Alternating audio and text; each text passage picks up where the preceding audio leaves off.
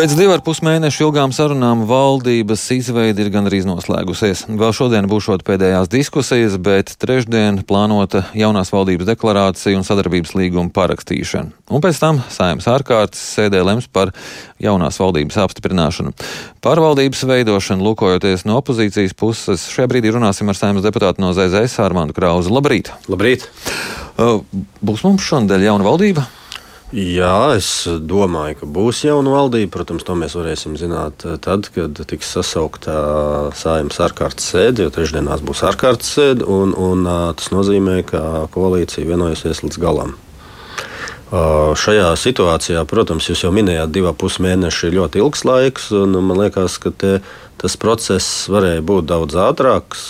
Tur ir dažādi iemesli. Protams, pašu koalīcijas plānoto nākamo partneru savstarpējās sarunas, bet es arī domāju, valsts prezidents šoreiz ļoti interesanti piegāja, jo viņš nenominēja premjeru kandidātu, kas faktiski nu, saskaņā satversmes ir parlamentāra valsts un valsts prezidents tikai nominē šo premjeru kandidātu. Viņš prasīja atrādīt uh, deklarācijas melnraksta to un šo, un, un, un tas tā bija. Tas labi? Šoreiz, nu, es teiktu, ka ņemot vērā, ka mums ir parlamentāra valsts, tas bija lieki, ja, un tas arī kavēja šo procesu, jo īstenībā Kariņkungam jau nebija tādas pilnvaras dots. Viņam bija neoficiāls pilnvars. Nu, tā kā prezidents teica, dari, bet nominējis viņš viņu nebija. Viņš ar pilnu jaudu tajā brīdī strādāt faktiski nevarēja. Man liekas, ka tas ne, nu, tiešām nebija labi šajā brīdī. Opozīcijas vērtējumā kāda tad ir valdības, topošās valdības plāni?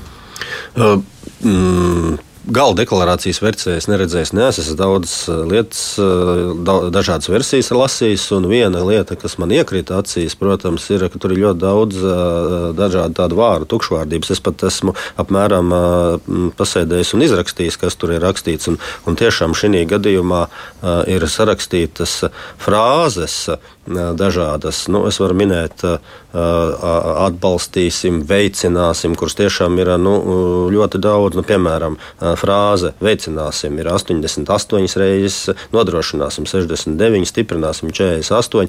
Tātad ļoti maz konkrētu lietu, kur ir skaitļi. Liela, liela apņēmība toties nu, ja skaitļi būtu, būtu lielāka apņēmība, jo, ja ir skaitlis konkrēts norādīts, ka mēs sasniegsim tik un tik, ja mazināsim ēnu ekonomiku tik un tik, protams, ka to var nesasniegt, un tā ir atbildība jau lielāka. Ja, ja uzrakst šīs frāzes, tad, tad, tad, tad ir mazāk. Otrakārt, es atgādināšu, ka viņi nu, pozicionē sev kā krīzes valdību. Un uh, Damrovska valdība kādreiz, kas arī bija vienotības valdība 2009. gadā, viņi arī bija krīzes valdība. Viņiem deklarācija bija uz, uh, ja nemaldos, 18 lapām. Uh, šī ir pār pa 50, starp 50 un 60. Ja, tad, nu, milzīgi apjomīgs dokuments. Tur ir daudz lietas iekšā, kas man liekas nu, tādas varbūt tiešām dīvainas. Nu, piemēram, viņi plāno veikt plašas reformas ANO drošības padomē. Nu, nu, vai veicināsim, vai atbalstīsim. Nu, kādas ir Latvijas iespējas eh, ķerties pie šīm reformām? Diezgan mazas. Vēl viena, kas ir eh, vēlētājiem, man liekas, jāņem vērā un jāseko līdzi, vai gara, gala versijā būs eh, tā frāze par privatizāciju. Nu, viņa tā nesaucās privatizācija. Viņa tad ir noslēpta kā valsts uzņēmuma kotēšana biržā līdz 20%. Es sapratu, ka tur nu, daži partneri iebilst, vienotība tā kā ļoti cenšas, lai tas ir ar argumentu, ka tas uz uzlabos uzņēmumu tātad, pārvaldību, un, un, un viņi būs daļai privāti ka varēs ieguldīt šos pensiju fondus Latvijas uzņēmumos. Nu, es domāju, ka tas ir uh, pilnīgi lieki, jo tas tiešām ir milzīgs risks. Savā ziņā var saprast, ka valdība plāno to, ka nākotnē uh, būs ļoti liels problēmas ar naudu. Bet kā jūs prognozējat, cik konstruktīva būs sadarbība opozīcijai ar valdību? Būs kaut kāda principiāli tas ir pozīcijas viedoklis, mēs neatbalstām, vai otrādi tas ir opozīcijas priekšlikums, mēs to norokam, vai tomēr būs arī kāda nu, konstruktīva pieeja jautājumiem? Es domāju, es, es, šī saima vispār, manuprāt, ir daudz konstruktīvākā iepriekšējā. Es domāju, ka, ja jūs prasītu man personīgo viedokli, tad es varētu teikt, ka 13. saima, tad iepriekšējā bija viena no sliktākajām Latvijas republikas vēsturē. Šī saima, manuprāt, būs daudz labāka, konstruktīvāka, bet, protams, nu, dažas lietas jau saglabāsies, un koalīcija vienmēr nelabprāt uzklausa opozīciju. Viens piemērs ir, es jums nosaukšu, par dziesmu svētku biļetēm. Tad, tad nu, jau, jau jau, jau gandrīz pusotru nedēļu atpakaļ parādījās presē ziņas. Ja, nu, to, mēs ātri sagatavojam Zaļo un Zemnieku savienību priekšlikumu, saimnes lēmumu projektu, ka tad, tad deputāti un ministri atteiksies no šīm biļetēm. Protams, pa to laikam nu, tad, tad, no pirmdienas līdz ceturtdienai ātri arī strādāja koalīcija un jau saorganizēja attiecīgi gan komisijas sēdes, gan arī, gan arī tātad tika pieņemt lēmumi, ka jā, nu, tiešām deputātiem ir jāatsakās no šīm biļetēm.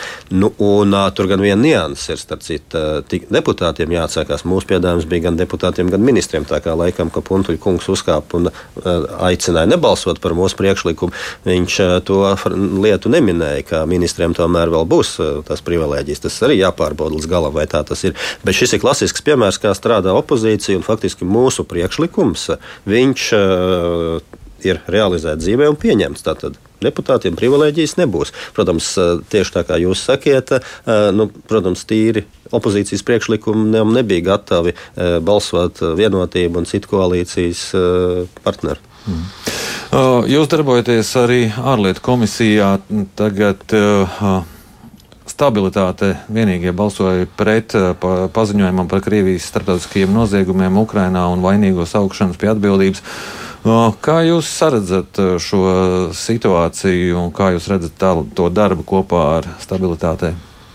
Es domāju, ka šajos šādi balsojot, viņi rīkojās nepareizi, jo mēs tomēr, nu, visa civilizētā pasaule labi saprot, ka Ukrainā notiek karš un nu, jautājumos, ko mēs esam virzījuši ārlietu komisiju. Es strādāju iepriekšējā saimā ārlietu komisijā. Ir visai skaidra gan Latvijas nostāja, šī nostāja sakrīt ar rietumu valstu, ar, ar mūsu partneru nostājām.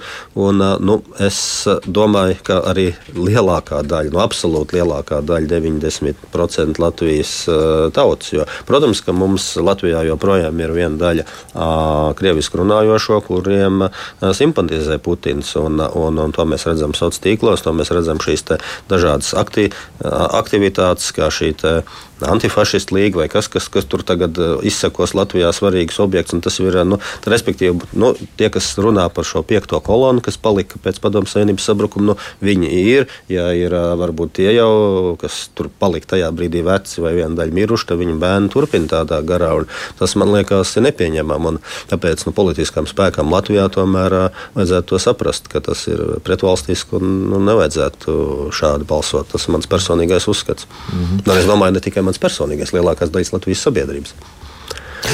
Jūs komisijā esat vērtējuši situāciju ap Dožģi, apsprieduši kaut ko? Jā, nē, es arī šonadēļ, pagājušā nedēļā nebiju komisijā, es biju slims, tā kā es nevaru nokomentēt visas komisijā runāto. Bet jūs vērtējumā? Ah, Nu, redziet, Dožģi ir klasisks piemērs, ka neatkarīgi no tā, vai tas ir Krievijas opozicionāru kaut kāds veidojums, šī gadījumā mēdīs, organizācija vai vienalga, vai tas ir kas atbalsta esošo režīmu Krievijā. Tomēr ļoti lielai Krievijas sabiedrības daļai ir prātā šis imperialisms un impērijas atjaunošanas idejas. Krievu impērijas, Krievijas impērijas. Grūti pateikt, vai Padomu Savienības ietvaros, vai, vai, vai vēl plašāk, kad bija Krievijas impērija līdz 1917. gadam. Un līdz ar to man tas man tas kārtējo reizi tikai apliecināja to, ka principā nav svarīgi, kas Krievijā ir pie varas, bet viņiem prātā vienmēr būs atjaunot impēriju. Līdz ar to, diemžēl, mums uh, ir no Krievijas jāuzmanās, jo arī opozīcija, uh, te jau runājot pat pašu Navaļņī, viņš ir daudz izteicies par Krīmu, jā, ka, ka Krīma nav nekāda viestmaize. Viņš ir, ja paskatās, ko viņš ir savā sākotnējā politiskā darbībā runājis par arī par lielo Krieviju, par atjaunošanu. Un Dožģi, Dožģi vienkārši nu, uzrunā šo elektorātu Krievijā, kuriem nepatīk Putins, bet kur sapņo par impēriju. Jā, man jāsaka jums paldies par šo sarunu. Atgādinu, ka mūsu studijā bija Armāns Krauzes, saimnes deputāts no ZZS. Paldies!